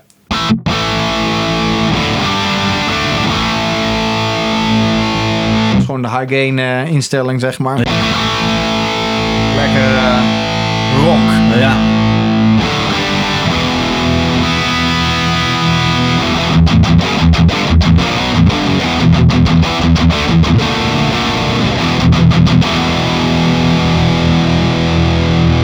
Best wel agressief eigenlijk. Ik, Vet hoor. Ik had eigenlijk een beetje het idee van dit wordt mijn eh zesnaar waar ik eh, veel eh, low gain en tokkel dingen mee kan doen. Maar eigenlijk is die, eigenlijk is die best wel agressief en Ja. vet ook voor riffs. Ja. Eh, in dat opzicht ook minder divers als die andere gitaren. Oh, ja, moet ik ja. zeggen. De, als je daar de, de element van eh switcht, zeg maar, of eh, nek of hals of Ja. middenstand, dan hoor je superveel verschil bij Ja. die. Ja. Maar deze ook omdat hij die sustainer erin heeft zitten, zit daar niet heel veel verschil in. Ja. Maar alsnog eh, ja, best wel warme sound inderdaad.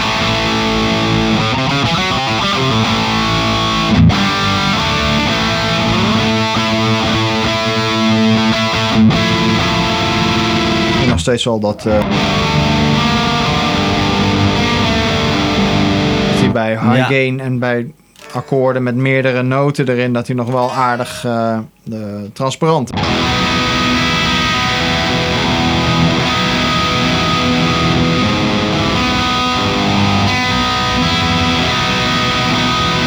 Ja. Maar zo hoor bij die andere gitaar, dat, dus dat, blijft dat nog iets meer overeind. Tof. En, ehm eh, Die sustainer, even... oh ja. Dat is altijd leuk met een beetje galm erbij. Ja.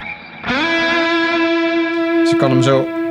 Zo is die zonder sustainer. Aha. Dat is gewoon een leuk...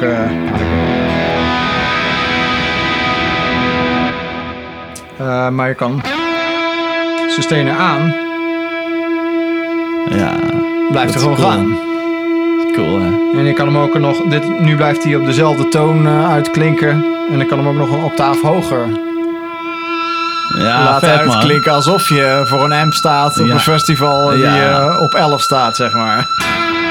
Vet hè? Dus hier kan je wel mee simuleren dat je eigenlijk feedbackt. Ja. Eh, dus daar heb ik hem wel een paar keer voor gebruikt. Eh, gewoon een akkoord laten klinken. Alsof je gewoon het eind van een nummer gewoon... Yeah, everybody, come on! Ja, ja, ja. Weet je wel? Terwijl hij staat gewoon op huiskamerniveau Ja, ja, hier. precies. Het is Het gewoon een? Een signaaltje, ja. Dus, eh, Vet hoor. wel- Dat is een tof dingetje man. Ja, plus eh, een Ebo, ik weet niet of je het kent, Ja. Ebo zelf. Dat, Ja, die moet je vasthouden in je, ja, in je die, die werkt voor één snaar. Oh ja. En deze werkt dus eigenlijk voor hele akkoorden. Kan je ze ook nog steeds... eh, maar voor wat Ja. eh, lower gain is misschien eh, beter te horen.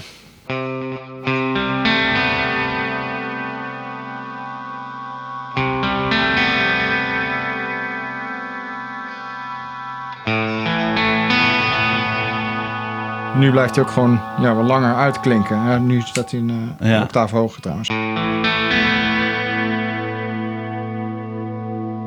Nu blijft hij nu ook best lang uitklinken.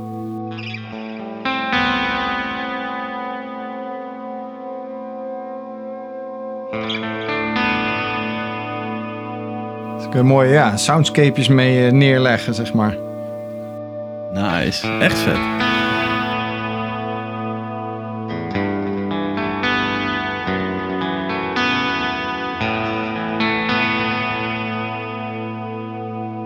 Ja, dus kun je wel heel subtiele dingen mee doen. En Dat is, dat is wel wat extra's. Qua, eh, dat is nog wat beter dan een Ebo, eh, vind ik. Ja. Wat subtieler. En dus ja, ga ik ook nog hier mee doen met, eh, met mijn solo Met je plaat, ja, ja, ja. ja. Vet hè? Echt tof. Ja, nou ja, qua ehm cleanest sounds is dus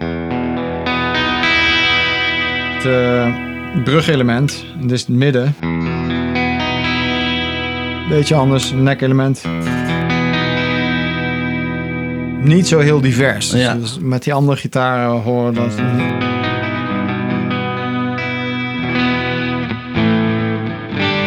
Mooi. Ja, het is een mo- mooi ding man. Ja.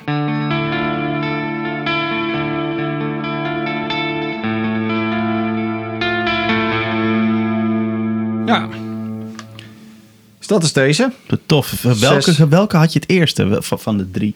Welke? eh, Die, Die, eh, ja, die zeven snel. ja, eigenlijk die twee tegelijk. We Oh, konden die er twee eh, bestellen eh, de eerste keer dat we die eh, bestelden. Ja. Nice, vet. Die even pakken. Ja, leuk.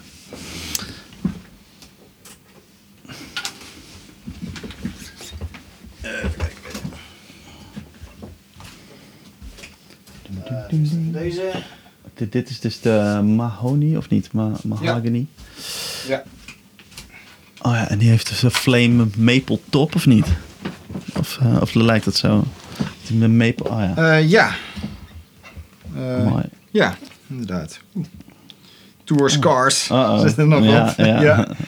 Die andere heb ik wel laten fixen door Mayonis. Oh, die ja. kon ik een keer eh, als service gewoon terugsturen naar Polen. Oh, En hebben ze helemaal gefixt en opnieuw gelakt. En eh, Oh, nieuwe hardware er ook op gezet. Deze was ook eerst zwart. oh. Deze door Tour is er nu helemaal eh, zilver geworden. Ja, ja, ja. Door het, ja, weggebeten door mijn zweet. Door inderdaad. jouw, jouw harde zweet. geoxideerd nu nog steeds. Deze wordt binnenkort ook gefixt. Die mag ook wel even een, soort overhaul. ja, aan de andere kant, die Tour Scars vind ik eigenlijk wel gaaf. Ja, weet je toch? Het is ook Even gewoon... een, ja, een dent, in, een deukje in de, in de lak hier Ja. en daar. Ja, het, het heeft ook wel weer wat. het kan, eh, weet je wel. Ik ben nooit zo, zo heel zuinig, moet ik zeggen. Nee, ja. En een stukje van mijn riem hierachter, Ja. ja. dat kan. Maar als de toon er niet op achteruit gaat, dan vind ik het niet erg. Maakt zeg maar. niet. Nee. Eh, dit ook, maar dit is in de oefenruimte gebeurd. Een chip Oh. uit, eh, uit de zijkant, Uit de, de binding op de kop. Uit de lak. Ja. Ja, dat is zonde aan de ene kant, maar ik weet niet. Het doet me ook niet heel veel. het- Sommige gitaristen eh, krijgen een hartaanval. Ja, ja, ja. dus Ik vind zelf altijd de, de eerste deuk in je nieuwe gitaar, die is altijd even, ja, dat klopt wel. Ja. even nasty, maar daarna ja, Ik boeien. heb ook al een eh, tijdje een Jackson gitaar gehad. Voor textures. Met eh een flying V Oh, met punten. Ja. Ja, nou, als, die punten gaan natuurlijk aan. Die gaan als eerste. ja. Die Dat zijn dan helemaal zo van, afgestompt nee, op een gegeven moment. Ja. Ja. Dus dat is een heel andere sound. Zo, ja.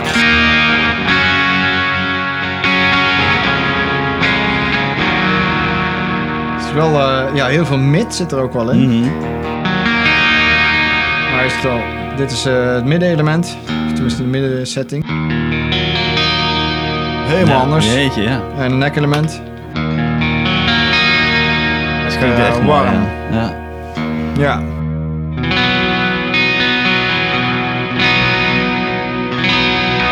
En een coil switch ook nog. Ah, ja. Dus daar kan je ook nog, nog drie andere sounds mee.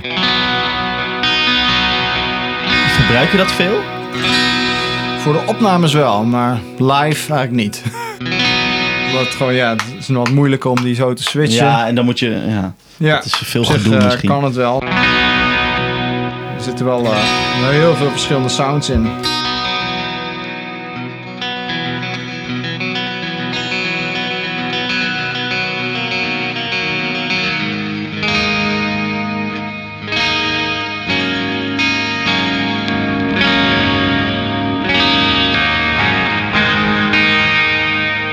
Ik vind het zelf vaak voor live dan lastig dat hij in één keer zo'n zo'n drop heeft qua volume.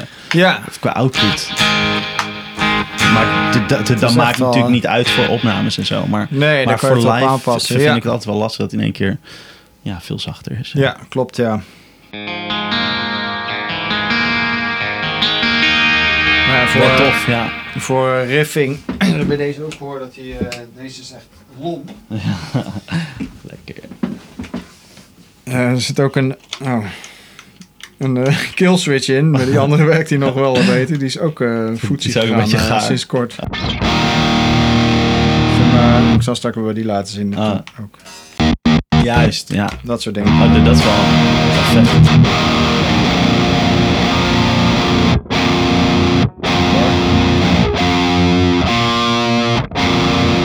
Een beetje, een beetje omhoog gegaan.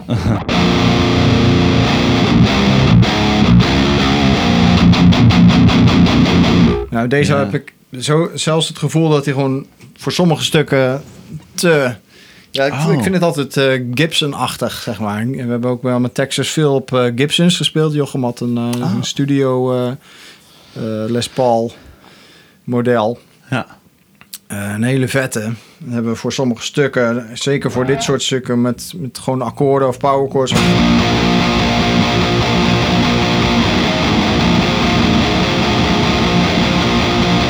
Dat soort stukken hebben we gewoon een Gibson ingezet en die erbij gedraaid. En dat het Oh. gewoon een heel lompe, loffe meer- sound heeft. Ja, ja. Met een lekker gruizige Marshall amp, zeg Ja, maar. erbij gedraaid bij die 5150. Zodat je echt een beetje dat eh, rock sound krijgt. Mhm. Eh, ja, dat was, dat was perfect voor dat soort stukken. En dat heeft deze gitaar ook wel een beetje. Maar voor de echte strakke riffjes is die weer ja, net te lomp.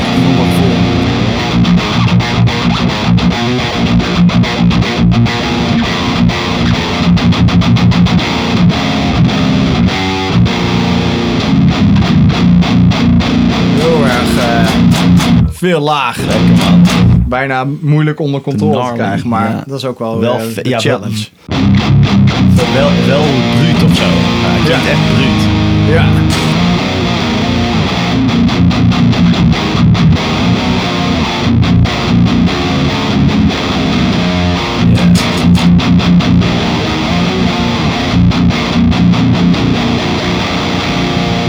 Dat soort dingen. Vet. Ik zal maar eens even letterlijk eh, deze sound Ja, naast nou, met die eh, andere. S, eh, Ja. misschien deze even. Oh ja. Stoelendans. Die even zo. Ja. staat hij wel een halve lager natuurlijk. Ja. Dat, is, dat is wel een beetje misleidend. Maar Ja. ik denk wel dat je het eh, hoort. Het verschil in sound.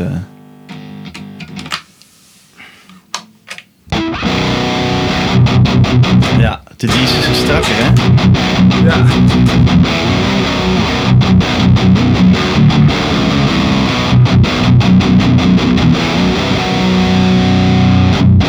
Ja, je hoort het gewoon eh, Ja. net wat eh, iets lichter, Ja. maar ook wel agressiever of zo. Net wat meer, eh, ja, wat frisser of zo voelt het voor mij al.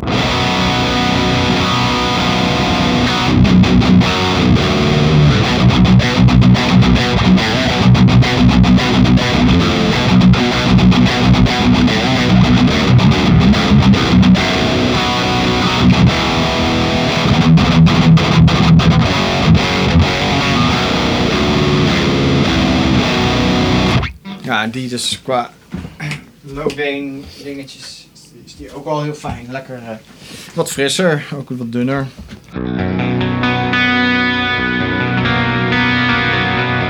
Ook wel heel divers.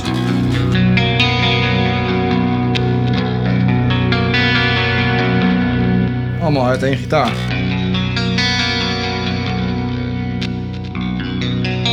Ja.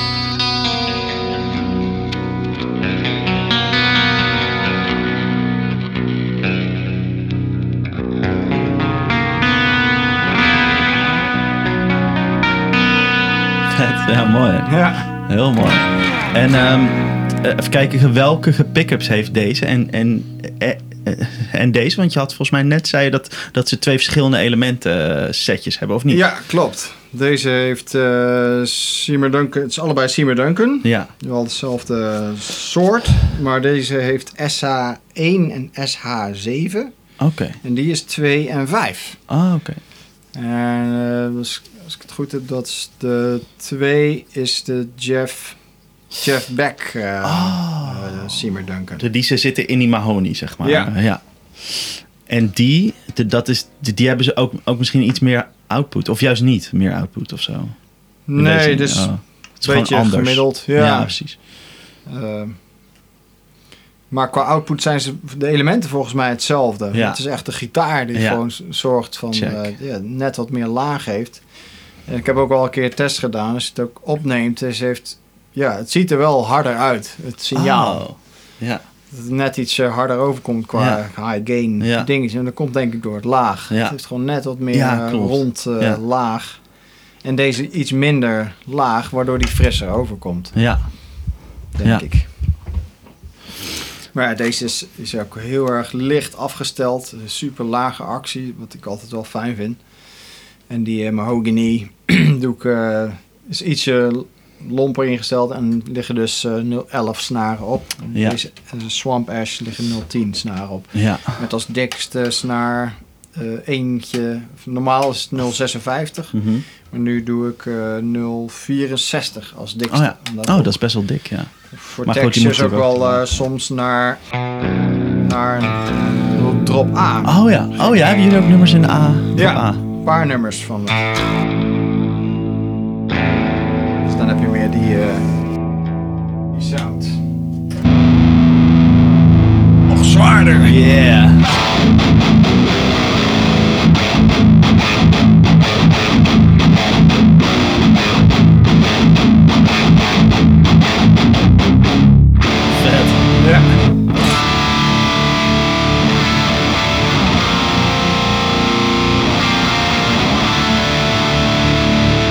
Dat soort eh, sounds. Vet. Ja. Lachen. En welke, welke versterker heb je ge- gemodeld? Heb je ook echt je eigen 5150 eh ge- geprofiled? Dat bedoel ik. Eh, Of- nee, of is het gewoon een niet andere- van mezelf. Ja. Is de, de, de ultimate gemodde die eh, Jochem had destijds. Ik weet niet of hij hem nog heeft eigenlijk. Ja, die amp. Ja, precies. Hij heeft zijn eh, studio heeft hij verkocht. Hij eh, heeft hij niet meer. En dus ook een aantal gitaren had hij verkocht volgens mij. En die, eh, die amp, eh, weet ik eigenlijk niet. Hm. Ik denk dat hij die ook verkocht heeft. maar die was dus, ja, dat was een echt een oldschool eh, 5150. Ik heb hier thuis eh, 6505 plus. Oh, dit is juist. dat is eigenlijk die nieuwere of zo. Nieuwere. En hier kun je dus eigenlijk drie kanalen mee eh, eh, benutten.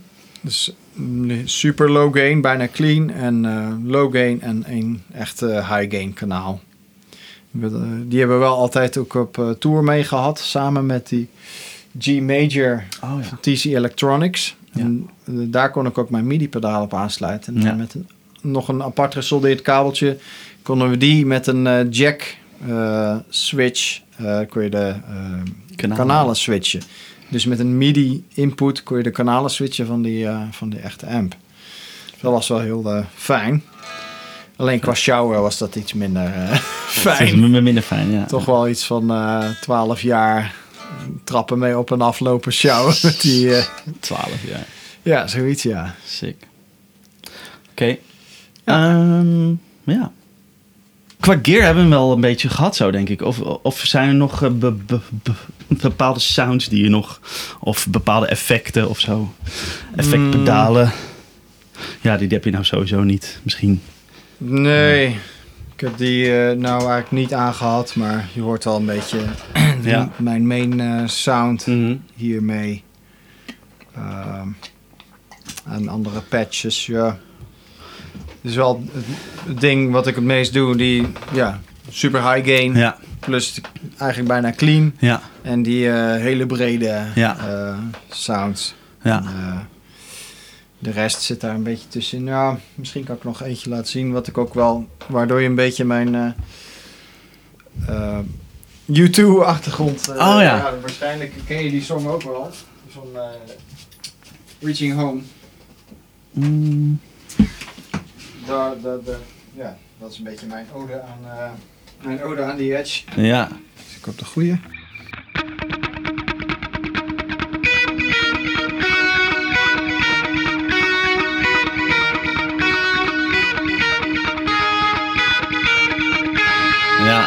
was wel een beetje een Edge dingetje. Vet. Dat ik toch wel even een keer erin wou voor textures, zeg maar. Snap ik, ja.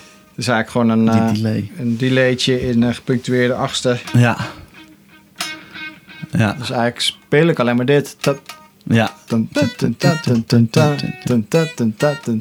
ja. Heel surf lijntje, maar met delay is het dan... Vult alles in eigenlijk. Ja, maar het Ja. veel eh, breder van. En eh, Super ja, het vet. klinkt eigenlijk als 16e jaar.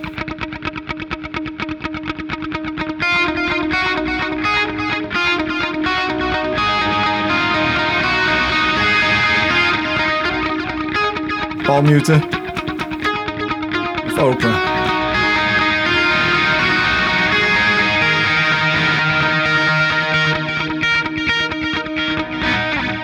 Ja, dat is eh, altijd wel leuk om eh, mee te, te pielen. Ja, vet. Super tof. Oké. Ehm, w- wat, wat, wat staan er nog, er nog voor, dingen voor de, de toekomst op de, de planning, zeg maar? Of heb je, komen er eh, optredens aan? Of ben je, nou, ik ben dus met de eigen plaat bezig, Ja, zeg maar. Dat is eigenlijk mijn main eh, doel nu. Om echt eh, zelf eh, ook echt mijn hele album te schrijven. Want ik heb altijd heel veel met, dus met textures gedaan. Maar Eigenlijk nooit andere bands gehad überhaupt. Of Ja. twee projecten. Het is eigenlijk altijd eh textures geweest. Ja. Waarbij ik altijd dus ook echt alles bespreek met anderen. Dus ik vind het ook wel heel tof om gewoon even helemaal overal zelf de, de, de, de touwtjes in de handen te hebben, zeg maar. Tof. En dat eh verkeerd door te zetten. Ja. Daarnaast eh, heb ik nog steeds eh, een soort van rockopera van Jack the Ripper. ja, dat zag ik, ja. Dat loopt nog steeds, maar dat staat nu helemaal op hold door Ja. corona natuurlijk. Daar hebben we één show mee gedaan in 2019. Dat was heel erg tof. En er zou nog een tweede show aankomen, maar dat is, dat is nu nog onduidelijk of, wanneer die gaat komen. Dus daar ga ik ook nog wel even mee verder. Dat is sowieso tof om te doen. Dat is zo'n eh, hele grote groep, hele grote band met heel veel zangers. En eh, ja, die eigenlijk een soort van eh, dus heavy rock met de lichte metal kant Hm. neerzet. En een heel het verhaal van Jack the Ripper, de seriemoordenaar, eh, neerzet, zeg maar. Tof zeg. Ja. Ja, dat is wel heel tof. Maar dat is gewoon een ding voor, voor eigenlijk. Ja, ja. Dat, eh, dat zijn eigenlijk mijn dingen die nu lopen. Ja. Ja, Tof. Nou, thanks Bart voor je tijd. En eh, tof. Ja, was heel tof om te doen. eh. ja, nou leuk dat je dit wilde doen. Eh, ja, weet je, het, het metal genre is toch een beetje... En ik, ja, ik weet dat je niet meer een beetje... Maar inderdaad, nou... Ja, het blijft, het blijft toch altijd al Ja, toch? Ja, die ja. hoek. Ja. Ja, nou, maar, maar dat is er toch een beetje eh, niet zo ver- vertegenwoordigd in een- mijn podcast. Dus ik vond het super vet Nou ja, dat je dat, eh, dat- dat je dit wilde doen. cool. Dus dank je wel daarvoor. En eh, ja, su- succes met alles. Ja, jij ook. Eh, met de rest, eh, ik ga nog wel wat meer luisteren. Ik had er al een aantal eh, gehoord. Ja, leuk man. Inderdaad, eh, ik vind het een heel eh, toffe opzet sowieso. Ja, eh, podcast. Echt, Ja. eh, nice. Ja, Ja, het is ook echt leuk om te doen. Dus eh, nice. top. Thanks. Goeie. Alright. yo. Yo.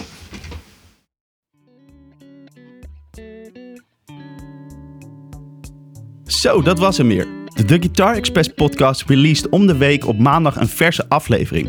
Dus houd je socials in de gaten. Ben je nou benieuwd naar het beeld bij het woord? Op de website en de Instagram en Facebook staan foto's van de gear van alle gasten. Dus volg ons op The podcast op Instagram en Facebook. Of check de site www.theguitarexpress.com slash podcast. Thanks voor het luisteren en tot de volgende.